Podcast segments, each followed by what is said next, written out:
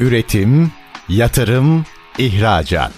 Üreten Türkiye'nin radyosu Endüstri Radyo sizin bulunduğunuz her yerde. Endüstri Radyo'yu arabada, bilgisayarda ve cep telefonunuzdan her yerde dinleyebilirsiniz.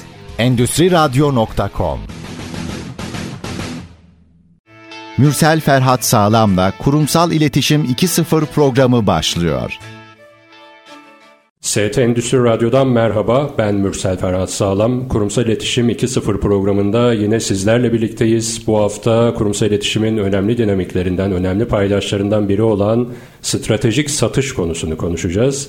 Aslında daha önceki bölümlerde de belirtmiştik. Her departman birbiriyle bağlantılıdır. Bir e, şirketi oluşturan bütün departmanlar yani kurumsal iletişimi satıştan, pazarlamadan bağımsız düşünemeyiz.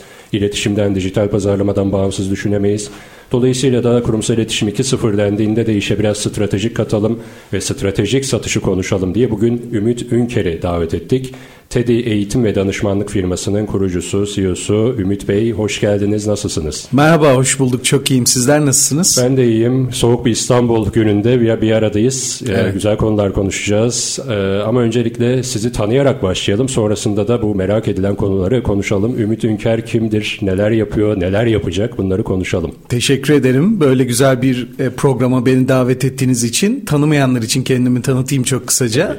Ümit Ünker benim ismim. Ben 2000 2008-2013 yılları arasında Türkiye'nin en büyük GSM operatöründe Türkiye Satış Müdürü olarak görev yaptım. Orada 400 kişilik bir ekibim vardı ve bana bağlı 10 tane bölge müdürüm vardı. Öncesinde de teknoloji şirketlerinde çalışmıştım. Daha sonrasında kendi işimi kurma kararı aldım. Yaklaşık 10 yıldan fazladır işte bu 12. yılımıza giriyoruz. E, satış ve iletişim alanlarında dünyanın sayılı şirketlerine e, eğitimler ve danışmanlıklar veriyorum. Dolayısıyla ilaç sektöründen tutun da bugün e, abone olduğumuz, televizyonda izlediğimiz sektördeki birçok markaya kadar hepsiyle çalışıyoruz. İletişim yönetimi yüksek sansı yaptım. Dolayısıyla iletişim alanında akademik olarak çalışıyorum. Aynı zamanda kitaplarım var. En son çıkardığım kitabımın ismi Değer Odaklı Satış. O 9. baskıya ulaştı ve 60 binden fazla sattı. Harvard Business Review'da yazıyorum. Makalelerim Harvard'da yayınlanıyor. Milliyet'te köşe yazarlığı yaptım.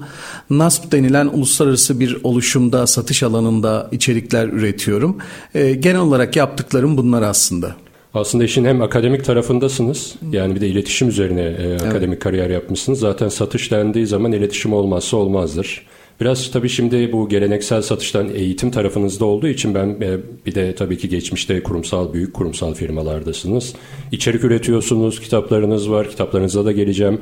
Hatta bir kitabınız e, sanal gerçeklikle e, oluşturulmuştu. Çok dikkatimi çekmişti o da o zamanlar.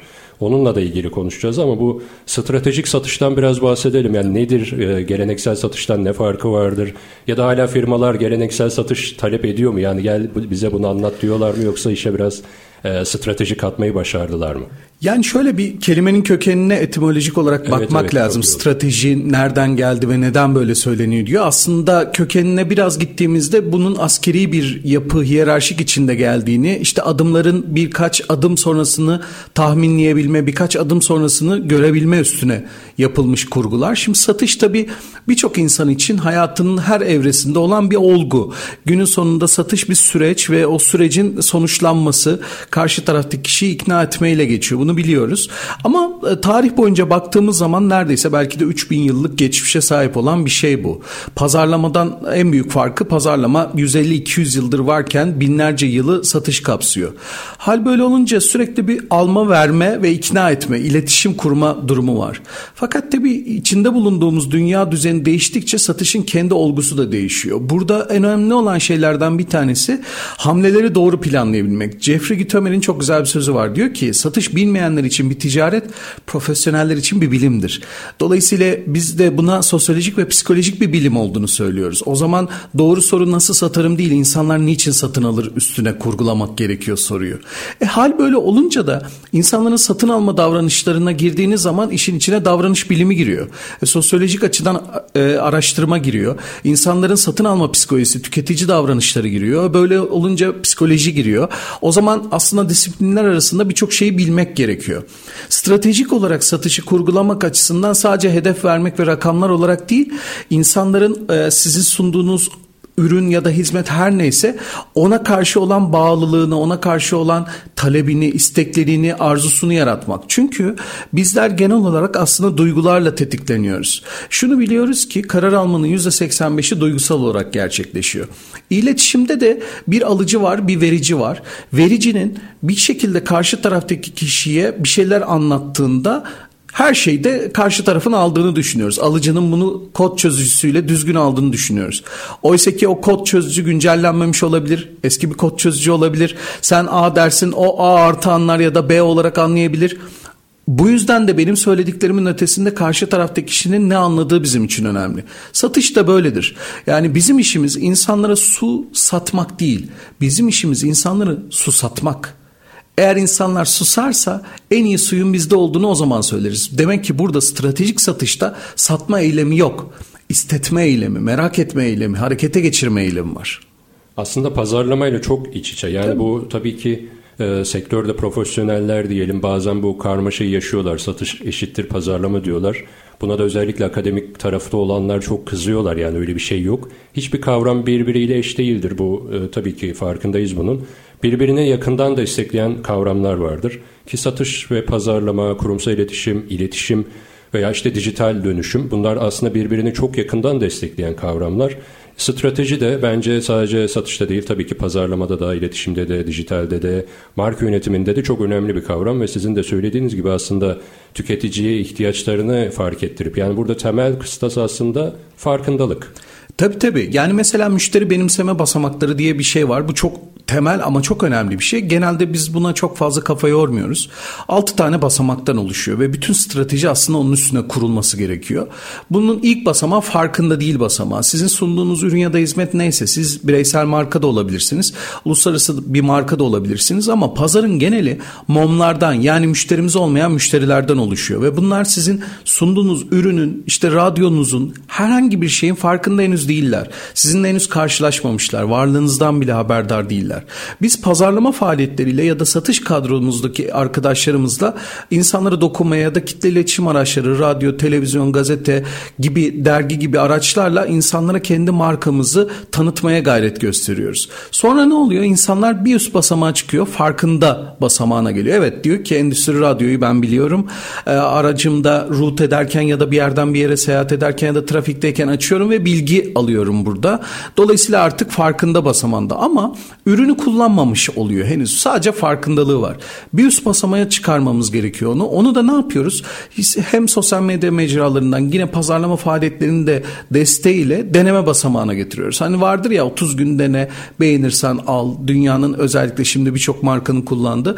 Deniyor. Eğer oradan memnun kalırsa 10 kişiden genelde ikisi memnun kalıyor. 8'i geri iade ediyor ya da bir şey markaya karşı bir aidiyeti olmuyor.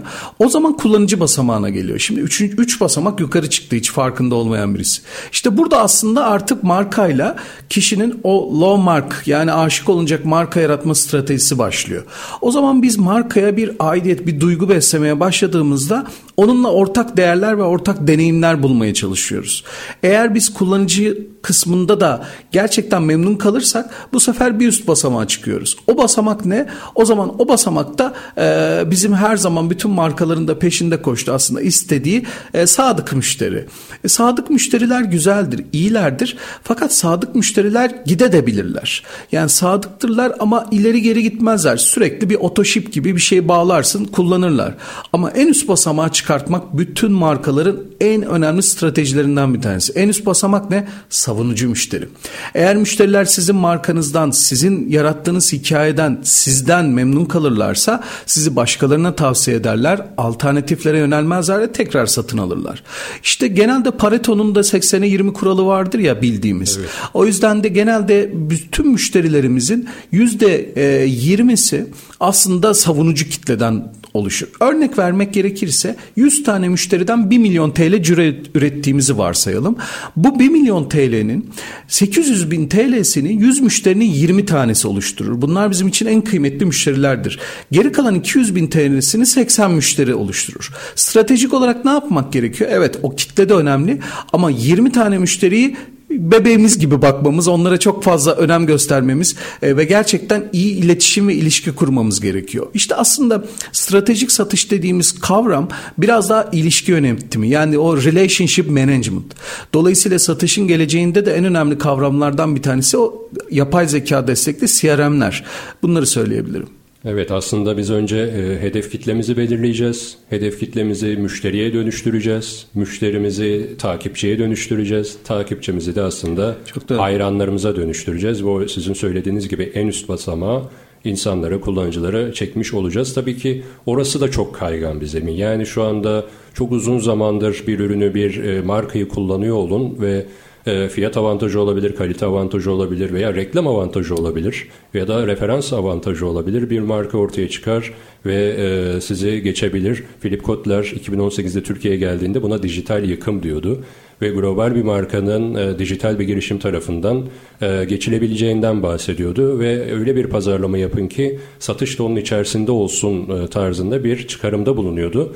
Benim de aslında düşünce yapım buna yakındır. Yani o yüzden başlangıçta da aslında söylediğim şuydu. E, bütün kavramlar birbiriyle iç içe, hepsi birbirini destekliyorlar. Dolayısıyla aslında işinize strateji katmak istiyorsanız hepsini bir arada kullanmanız gerekiyor. Yani stratejik satış sadece satış değil kesinlikle değil. Kesinlikle. Siz de anlattınız zaten.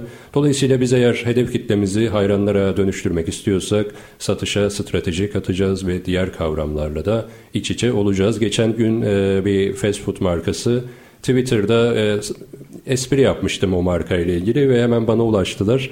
Menü hediye ettiler. Ve acayip bir ilgi alaka gösterdiler. Sanki lüks bir mar ürün, e, markadan ürün almışım gibi. Telefon ediyorlar işte özel e, kutularda şey yolluyorlar vesaire. Ben çok memnun oldum. Dolayısıyla e, A markasından ziyade şimdi B markasını tercih edeceğim. Belki onlar için küçük bir adım ama bir, benim için bende bıraktığı iz açısından çok büyük bir adım oldu. Dolayısıyla aslında ben e, danışmanlık yaptığım markalara da diyorum yani jest yapmak e, önemlidir.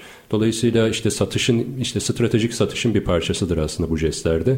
Dijitale geçelim. Yani strateji dendiğinde ben e, kitabımda da bunu vurgulamıştım. Hani eğer bir şeyi artık stratejik atıyorsak mutlaka işin içinde dijital olmak zorunda demiştik.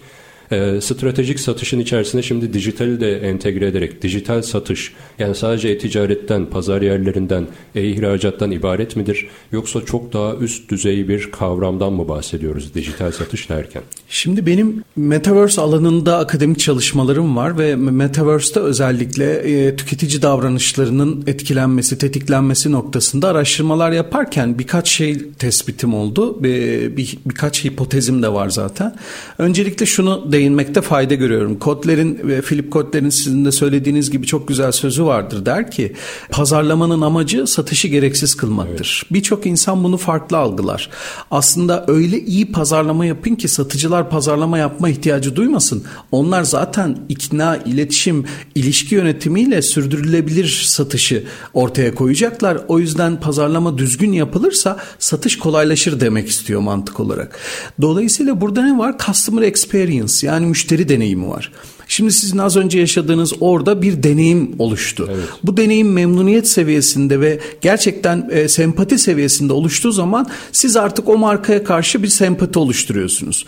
Ve bu mesela sempati transferi denen bir olgu var. Sempati transferi de genelde şundan çok iyi hatırlarız. Sevdiğimiz bir diziyi izlerken e, hayranı olduğumuz bir kişiye sempati duyarız ve o sempati duyduğumuz kişi bir kahve markası, bir yiyecek içecek kullandığında buna ürün yerleştirme denir ya otomatik olarak ona duyduğumuz sempati markaya da transfer ederiz.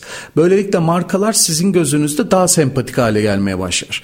İşin içine dijital girmesinin çok önemli etkenleri var. Şimdi bugün dünya affiliate marketing, influencer marketing e, şeklinde konumlanıyor. Hal böyle olunca mesela işte BlackBerry vardı, Motorola vardı, Nokia vardı ama biri geldi halıyı onun altından çekti. Bu biri de bir telefon markası değildi. Apple'dı değil mi? Yani bir aslında bilgisayar teknoloji markasıydı. Aynı evet. teknoloji markasıydı. Arabalar BMW, BMW'ler, işte Mercedesler bunlar harika markalardı. Tesla diye bir şey geldi. Tekerleklere yazılım taktı. Evet. Dolayısıyla halıyı onun altından çekti. Hatta hiç üretim yapmadan e, marka değeri ve e, ekonomik değer üretti. Elbette. Demek ki dijitalleşmeyi sandığımız gibi sadece e, sosyal medyayı kullanmak anlamına gelmiyor ya da bir blog açmak ya da işte e, herhangi bir şekilde e, mail adresleri kullanmaya gelmiyor. Birazdan bahsederiz bir sonraki bölümde hiper otomasyon denilen çok önemli kavramlar var. Onlara adapte olmamız gerekiyor. Kesinlikle tabii e, derya deniz konular her kavramla ilgili. Ben de kavramlara takıntılı biriyim. Akademik tarafta da sürekli kavram çalışıyorum, kavramsallaştırmalar yapıyorum. Dolayısıyla programın her zaman ilk bölümünde mutlaka konuğumuzun uzman olduğu alanla ilgili kavramsal çıkarımlar talep ediyoruz. Sizden de talep ettik ve çok güzel açıklamalar, yeni kavramlar, bilgiler öğrendik. Şimdi e, ikinci kısma hem bahsettiğiniz kavramlardan devam edelim dijital satıştan devam edelim ve e, biraz da bu sizin aslında yeni nesil diyebileceğimiz kitap çalışmalarınız, eğitim modellerinizden de bahsedelim. İkinci ve üçüncü kısmı böyle e, devam ettirmiş olalım. Birinci kısmı bu şekilde tamamlayalım. E, stratejik satışı konuştuk. Dijital satışa biraz değindik. E, referans kaynakları Philip Kotler gibi isimlerden referanslar aktardık ve e, aslında stratejik satışın diğer kavramlarla bağlantılı olduğundan bahsettik. İkinci kısımda devam edeceğiz. Kısa bir aramız var. İkinci kısımda görüşmek üzere. Üretim, yatırım, ihracat. Üreten Türkiye'nin radyosu Endüstri Radyo sizin bulunduğunuz her yerde. Endüstri Radyo'yu arabada, bilgisayarda ve cep telefonunuzdan her yerde dinleyebilirsiniz.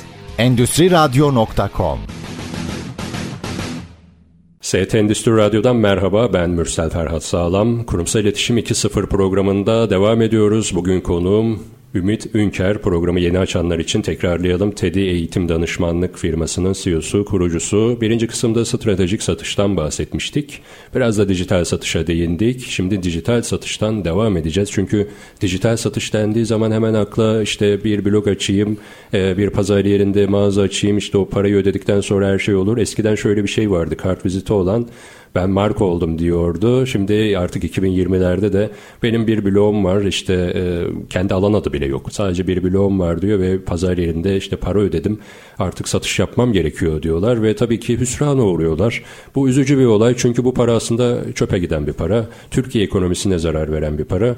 Bu önemli bir detay çünkü Türkiye ekonomisinin aslında %97 oranında COBİ'ler oluşturuyor. Dolayısıyla bir COBİ kaybettiğinde onun altında çalışan yüzlerce insan, onlarca insan işsiz kalıyor. O da işsizliğe de olumsuz etkide bulunuyor. Yani bir e, olumsuz bir aksiyon basit gibi gözükse de o firmanın kapanmasına neden olabiliyor. Girişimcilerle çok çalıştığım için şunu biliyorum. Girişimcilere farklı e, teknokentlerde, kuluçka merkezlerinde mentörlük yapıyorum ve e, şuna da şunu da görüyoruz. Çok hızlı bir sirkülasyon var. 6. ayını göremeden batan birçok girişime rastlıyoruz. Ki bununla ilgili istatistikler de var. Yani atıyorum kurulan 10 bin şirketin yaklaşık işte 8-9 bine ilk bir yılda batıyor. Kalanında zaten 3 yılı bile göremiyor. Tek tük böyle artık 5. yıla sarkan e, firmalar var. E, Japonya gibi ülkelere baktığımızda 300-400 yıllık, 500 yıllık işletmeler görüyoruz. Türkiye'de yok umarım olur diyerek bu faslı da böyle sosyal mesajımızı vererek geçiştirelim ve dijital satıştan devam edelim. Yani bir blok açmak, pazar yerinde bir mağaza açmak yeterli mi? Şimdi dünyaya baktığımız zaman özellikle Deloitte'in araştırmalarında geleceğin meslekleri içerisinde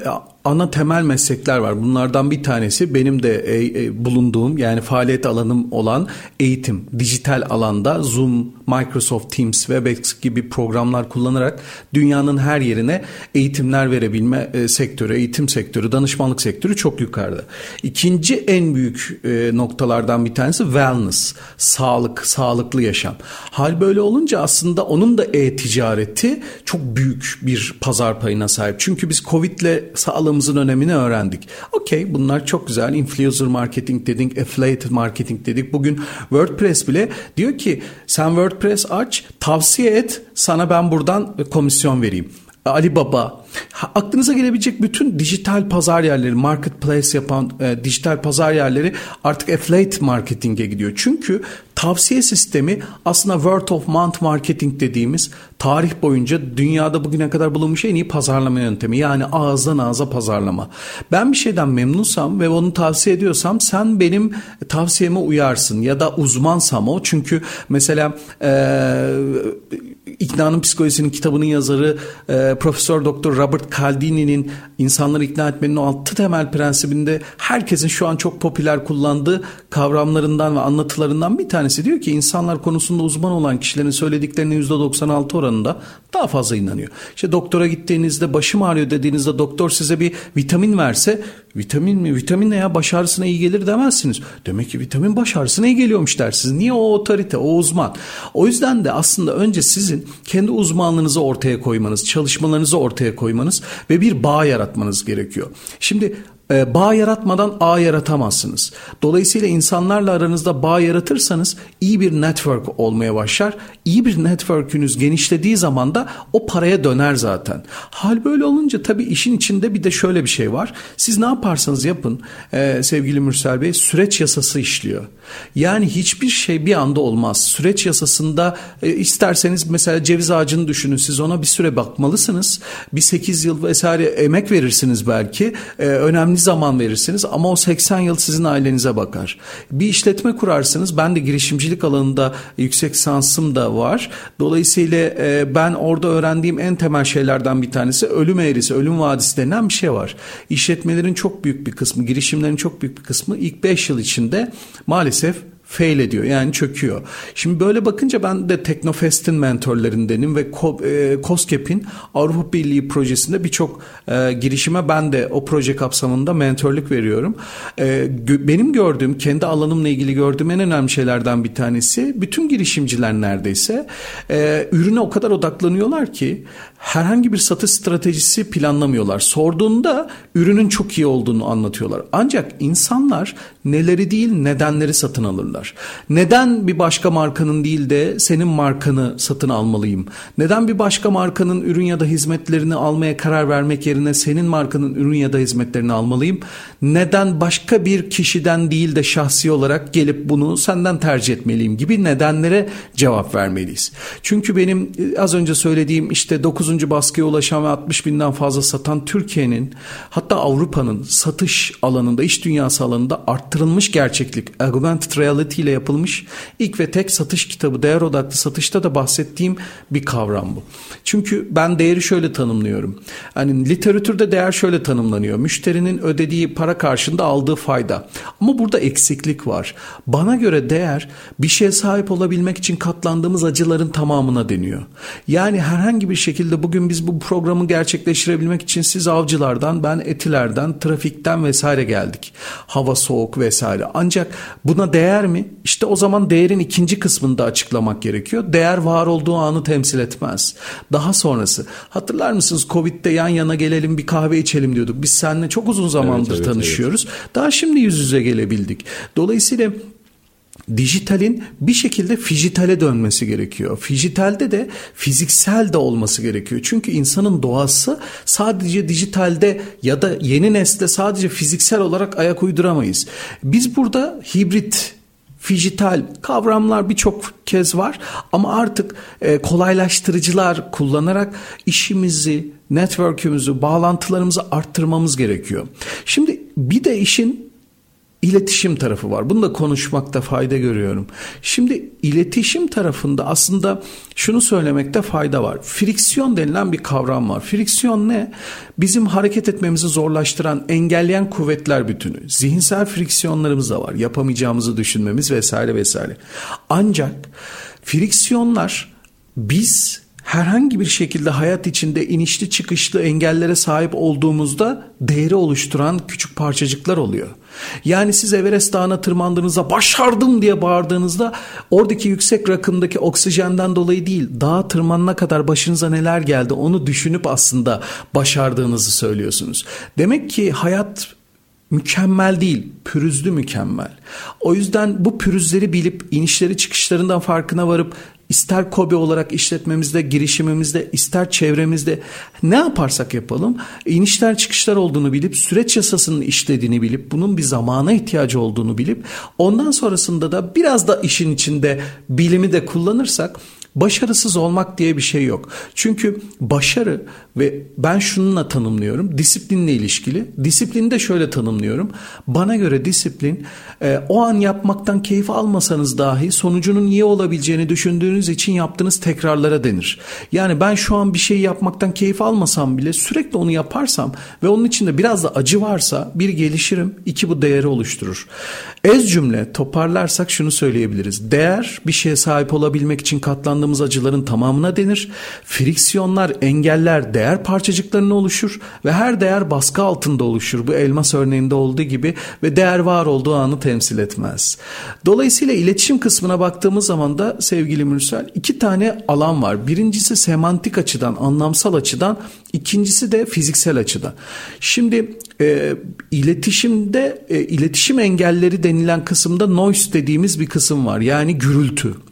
Fiziksel iletişimsizlik ne demek? Genelde düşündüğümüz zaman çok aklımıza fiziksel iletişimsizlik nasıl olur diye düşünüyoruz ama mesela biz şu anda seninle sohbet ederken birden kapının açılması fiziksel iletişimsizlik çünkü frekansımızı bozar. Telefonun çalması, sesin gelmesi, trafik bunların hepsi fiziksel iletişimsizlik. Biz o yüzden bir iş sunumu yapacaksak, bir toplantı yapacaksak bunu her ne kadar da dijitalleştirsek de daha izole, daha sakin ve sessiz yerlerde bulunmamız gerekiyor. Diğer uyarıcılar ya da friksiyonluk engeller olmaması gerekiyor. Semantik açıdan da iletişimi başlatan vericinin alıcı olan bir ya da birlerce kişinin karşısında onların eğitim düzeni bilmeli. Hedef kitleyi tanımalı onların anlamsal boyutlarını anlamalı ki yani herhangi bir şekilde ortalama bir kitleye konuşacaksa akademik boyutta konuşmaması lazım. Orada da iletişimsizlik olur. Demek ki iletişimde sadece ses çıkartmak değil, kitleyi bilmek, konuşma yapımızı şekillendirmek ve iletişebilmek gerekiyor. Tüm bunlar satışın temelinde var. Çünkü satışın temeli iletişim, iletişimin temelinde de ikna var. Evet e, aslında şu detayı yakaladım. E, disiplin benim de çok önemsediğim bir konudur. Hem e, kendi şirket çalışmalarımda, akademik çalışmalarımda veya danışmanlık yaptığım firmalarla ilgili özellikle ajanslarda bu disiplin probleminden kaynaklanan çok büyük sorunlar yaşanıyor. Ben de orada sizin de söylediğiniz gibi o disiplinde belli rutinler olması gerekiyor. Özellikle bunu da üniversite etkinliklerinde söylüyorum. başarının sırrı rutinlerdir. Hasta da olsanız, acılarınız da olsa, sıkın, sıkılsanız da, usansanız da belli rutinleriniz olacak. Bu spor da olabilir, kitap okuma da olabilir, ne bileyim bir blog içeriği üretmek de olabilir veya yürüyüş de olabilir. Yani o bir rutininiz varsa onu kesinlikle hiçbir şartta bozmamanız lazım ve en azından birkaç rutininiz olması lazım. Yani kitap okuma ve atıyorum koşuya çıkma. Koşuya çıkamazsanız o kitap okumayı sürdürerek diğerini baskılayabilirsiniz ya da öteleyebilirsiniz. Yani burada tabii ki e, markalar belli hatalar yapıyorlar özellikle bu disiplini oluşturma noktasında. E, Z kuşağı da arkadan geldiği için biraz da artık yönetim katına çıkmaya başladıkları için böyle şeyler yaşanabiliyor. E, ben orada markalara birincisi kültür inşa etmek, kültür inşa ederken disiplin kurgulamak, bunun içinde belli rutinler tavsiye ediyorum ve buna göre strateji hazırlıyoruz.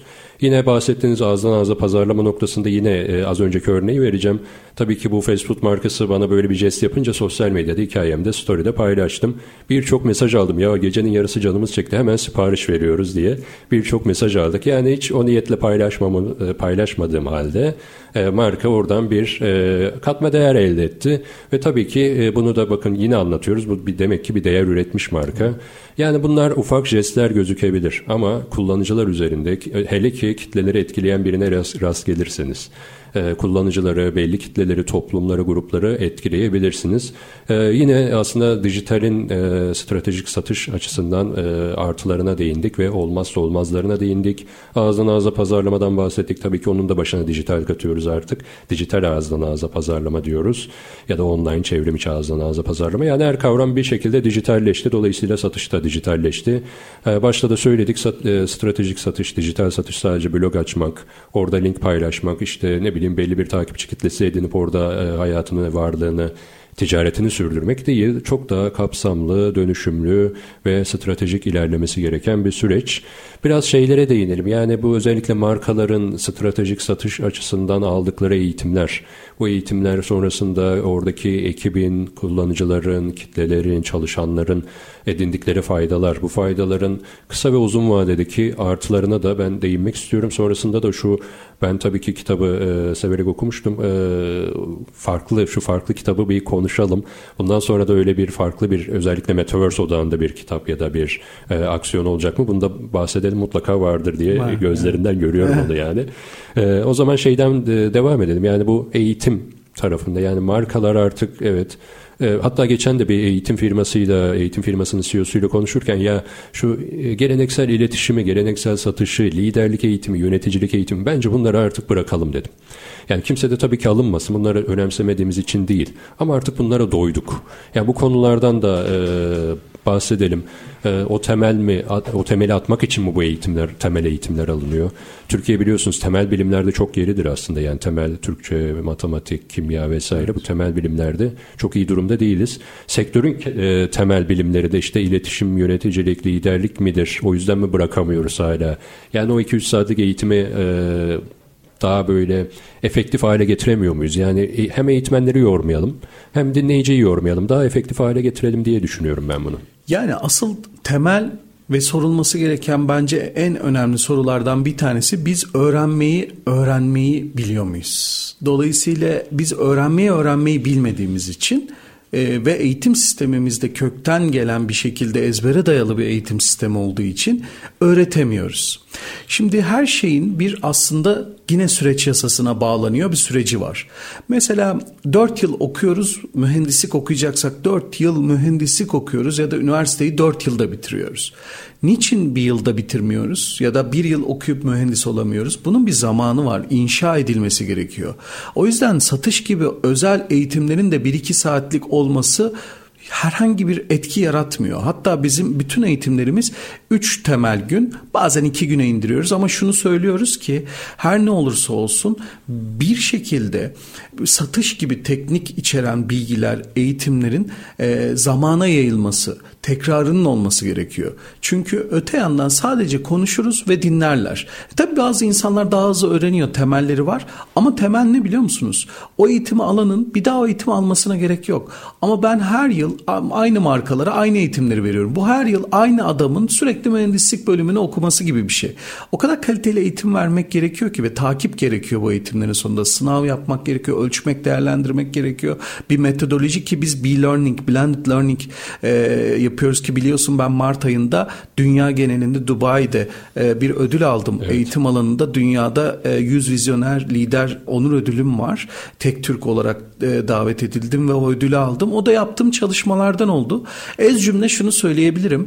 Markalar maalesef her işte olduğu gibi iç eğitmenler yapıp kendi içinde işleri çözmeye çalışıyorlar. Ama bizim gibi belli bir alanda uzmanlık geliştirmiş, yıllarını vermiş insanlara da diyorlar ki bir iki saat gel. Benim amacım insanlara bir bakış aşısı yapıp bakış açılarını değiştirmek. Ya tabii e, ben de ee, özellikle firmalara şunu tavsiye ediyorum yani kurum içi e, sürekli eğitim merkezlerinin kurulması. Bunu da e, programın üçüncü kısmında konuşalım. Şimdi bir reklama gidelim. Üçüncü kısımda hem bu eğitimler nasıl böyle efektif hale gelir, eleştirdiğimiz noktaları da değinerek programı sürdürelim. Üçüncü kısımda buluşmak üzere diyelim. Üretim, yatırım, ihracat. Üreten Türkiye'nin radyosu Endüstri Radyo sizin bulunduğunuz her yerde. Endüstri Radyo'yu arabada, bilgisayarda ve cep telefonunuzdan her yerde dinleyebilirsiniz. Endüstri Radyo.com ST Endüstri Radyo'dan merhaba ben Mürsel Ferhat Sağlam. Kurumsal İletişim 2.0 programıyla devam ediyoruz. Üçüncü kısımdayız. Bugün konuğum Ümit Ünker, TED'i Eğitim ve Danışmanlık firmasının kurucusu, CEO'su, stratejik satış alanında akademik kariyeri, e, kitapları, uluslararası başarıları olan e, kıymetli bir sektör profesyoneli diyelim Ümit Bey için. Ee, birinci kısımda stratejik satışı konuştuk, kavramlardan bahsettik. İkinci kısımda biraz için eğitim boyutunu konuştuk ve dijital satışı konuştuk. Şimdi üçüncü kısımda eğitimden devam edelim. Ee, eğitimleri daha efektif hale nasıl getirebiliriz? Yani Türkiye'de ben akademik disiplinin olduğunu düşünmüyorum. 200'den fazla üniversitemiz var ama akademik disiplinimiz yok. Ben herkese üniversiteyi mutlaka okuyun, o akademik disiplinden mutlaka geçin tavsiyesinde bulunuyordum ama ne yazık ki o tavsiyede de artık bulunamıyorum. Çünkü üniversitelerin özellikle Avrupa Birliği e, uyum sürecinde bir e, model, bir metodoloji uygulamaya başladılar. Herhalde Bologna süreciydi. Tam hatırlayamıyorum o e, konsepti ama bu konseptten sonra artık üniversiteler e, iyice e, pro, eğitim açısından diyelim içerik açısından problemli hale geldi. Ben e, biraz meraktan dolayı tarih okumuştum e, ikinci üniversitemi. Tarih alanında da böyle hem master falan da yaptım. Merakım vardı. Dolayısıyla orada keşfettim. Aslında tarih bölümünde her e, çağ ayrı bir ders olarak kurgulanırken artık tek bir dersin içerisine sıkıştırılmıştı. Yani biz e, normalde eski müfredatta atıyorum Lidyalıları ayrıca görmemiz gerekirken e, eski çağın içerisinde sadece böyle bir 10 dakikalık süreç içerisinde Lidyalıları öğrenmek zorunda kaldık. Halbuki bir kültürden bahsediyoruz, bir tarihten bahsediyoruz. Ki bu sadece antik uygarlıklar açısından değil ne bileyim belki bir Mısır uygarlığı, antik işte Grek uygarlığını, eski Türk geleneklerini, uygarlıklarını öğrenmemiz gerekiyordu ama öyle bir süreçten geçmedik ne yazık ki. Hep bu işte uluslararası formata uyum nedeniyle.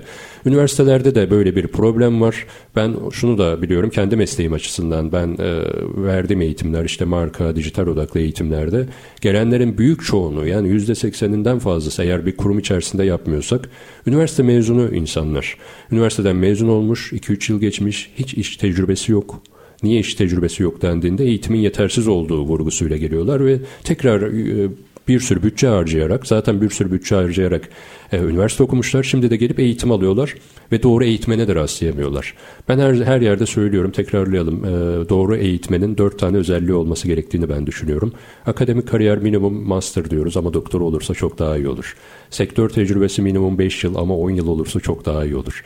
İçerik üretiyor olması yani sadece işte kendi sitesinde değil referans kaynakları sizin de yazdığınız mecralar gibi atıyorum Branding Türkiye gibi vesaire ya da işte uluslararası işte hakemli dergiler, e, aktüel mecralarda yazıyor olması. Çünkü bilgisini yazıya dökmesi önemli işte kitaplarının olması önemli. Ve dördüncüsü de bilgiyi konuşabilmesi yani eğitmen kimliği, e, konuşmacı kimliği, speaker kimliği işte bir panelist olduğunda bilgisini aktarabiliyor mu? Bir radyoya çıktığında kavramsal detaylardan bahsedebiliyor mu? Bunları yani dört tane kriter.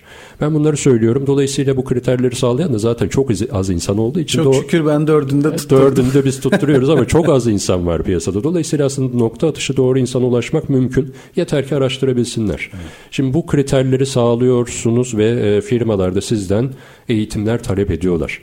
Bu eğitimlerin içeriği az önce de sordum ama tekrarlayalım programı yeni açanlar için. Hala bu geleneksel eğitimlere çok merak var mı? Yani sadece satış eğitimi gel 3 işte saat gel anlat satış nedir? Satışın nedir olduğunu artık bırakmamız gerekmiyor mu?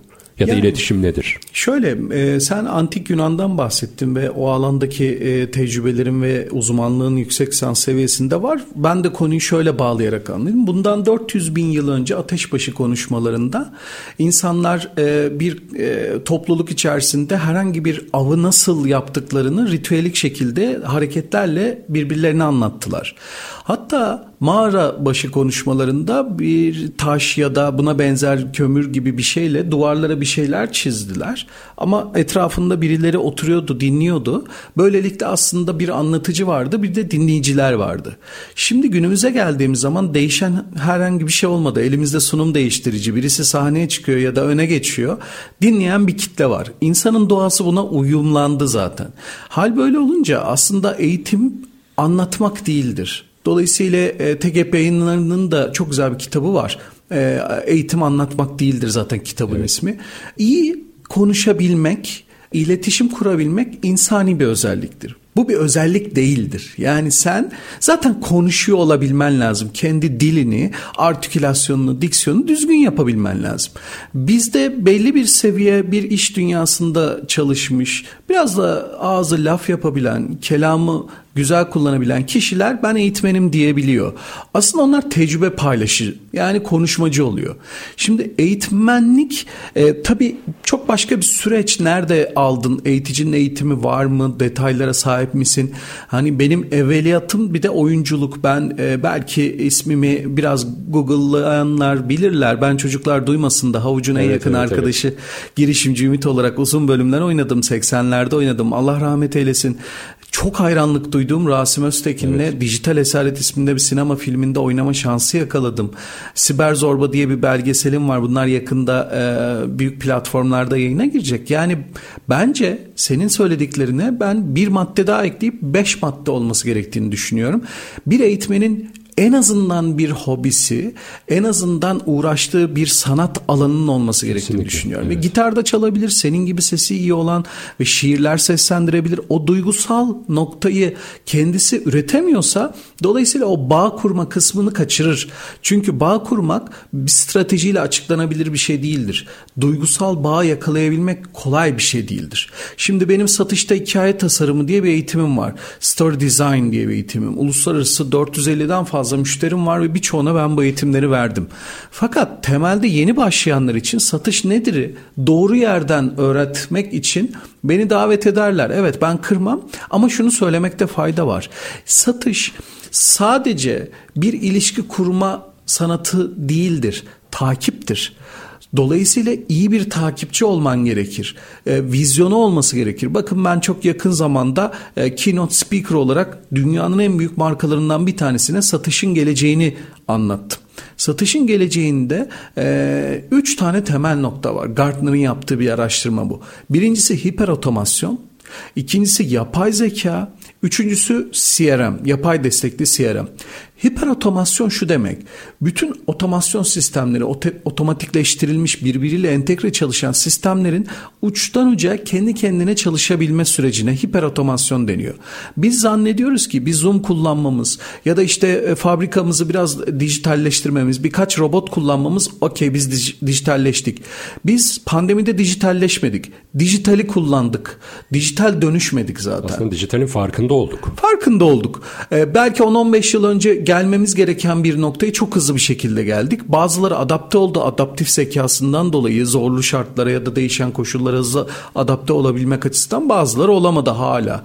Ben Zoom kullanmam benim için çok yüz yüze benim de öyle e, mentörlük yaptığım arkadaşlarım var. Hocam Zoom'da olmaz birebir yapalım. Yani Hatta bu... koronanın en ateşli zamanlarında bile birçok müşterimiz biz hayır Zoom istemiyoruz. Bizzat buraya herkes toplanacak bu eğitimi yapacağız ya da bu danışmanlığı alacağız. Biz çoğunu reddetmek zorunda kaldık. Sağlıktan evet. önemli bir şey yok. Evet evet ama yani tabii anlıyorum markalar şimdi yüz yüze eğitimlere geçmeye başladılar ama bir standart oluştu sektörde. Bunu maalesef biraz parayı veren düdüğü çalar gibi marka ödeme yaptığı için ben iki gün ancak ayırabilirim onlara. E, dolayısıyla sen de iki günde bu eğitimi ver.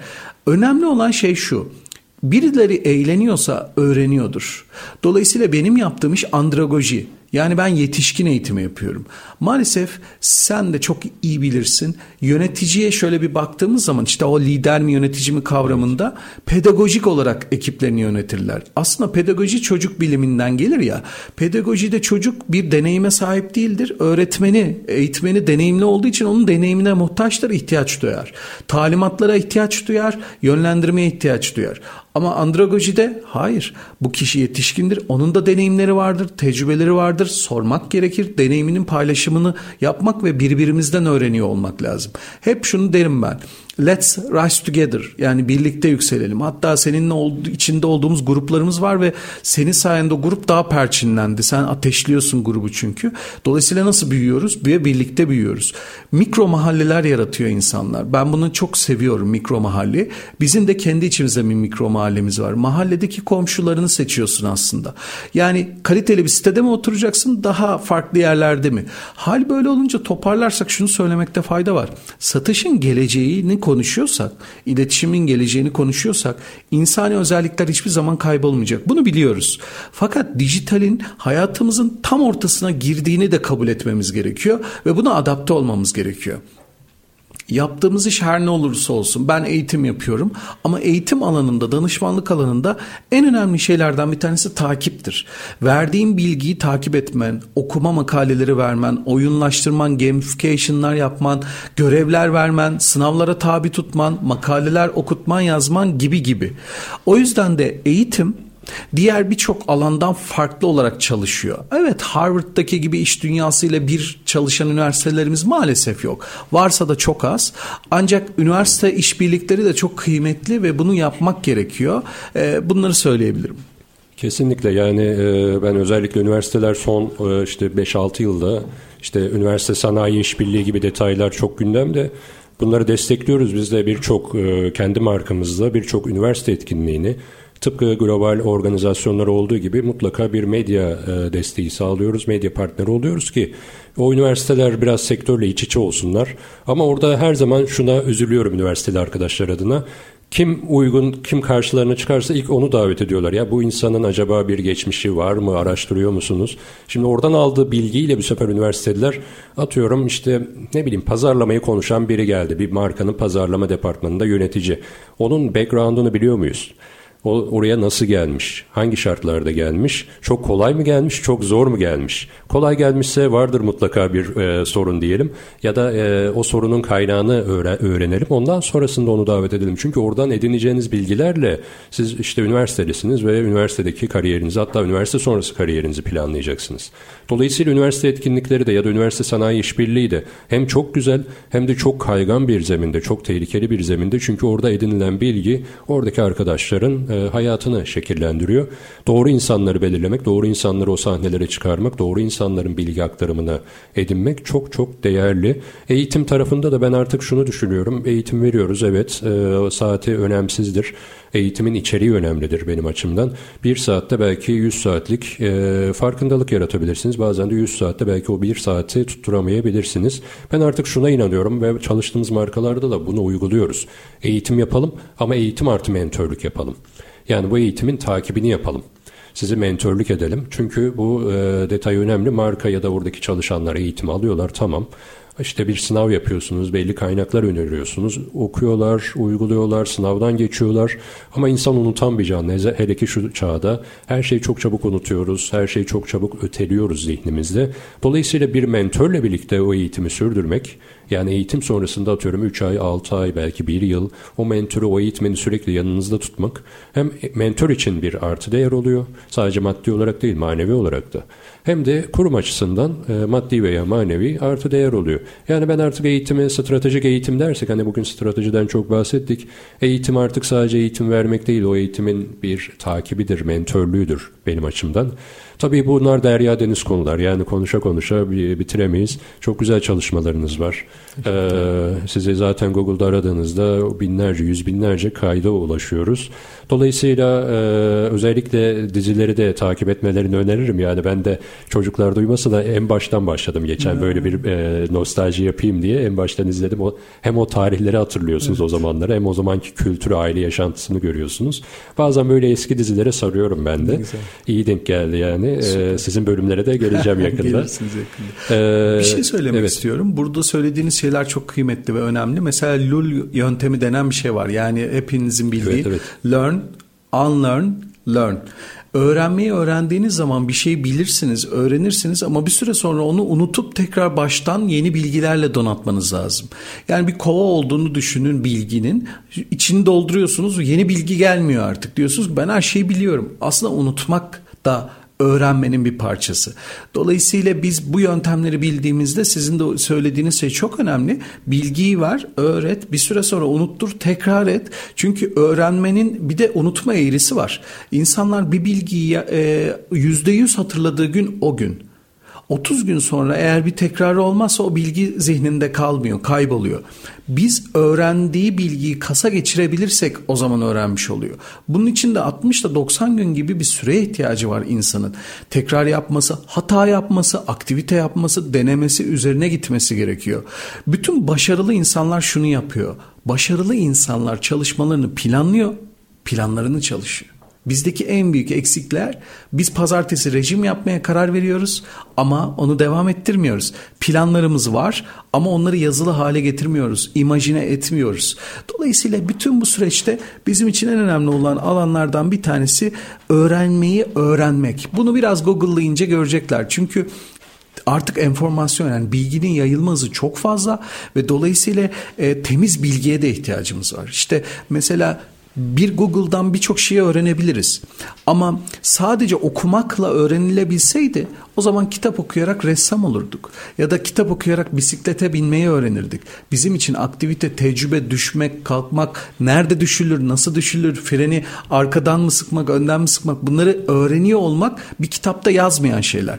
Senin gibi hem akademik tarafta kendi bilgi birikim donanımı hem diğer tarafta çalışmalarınla e, olan şeyi Google'a koyamıyoruz seni yani. Kitaba da aktaramıyoruz.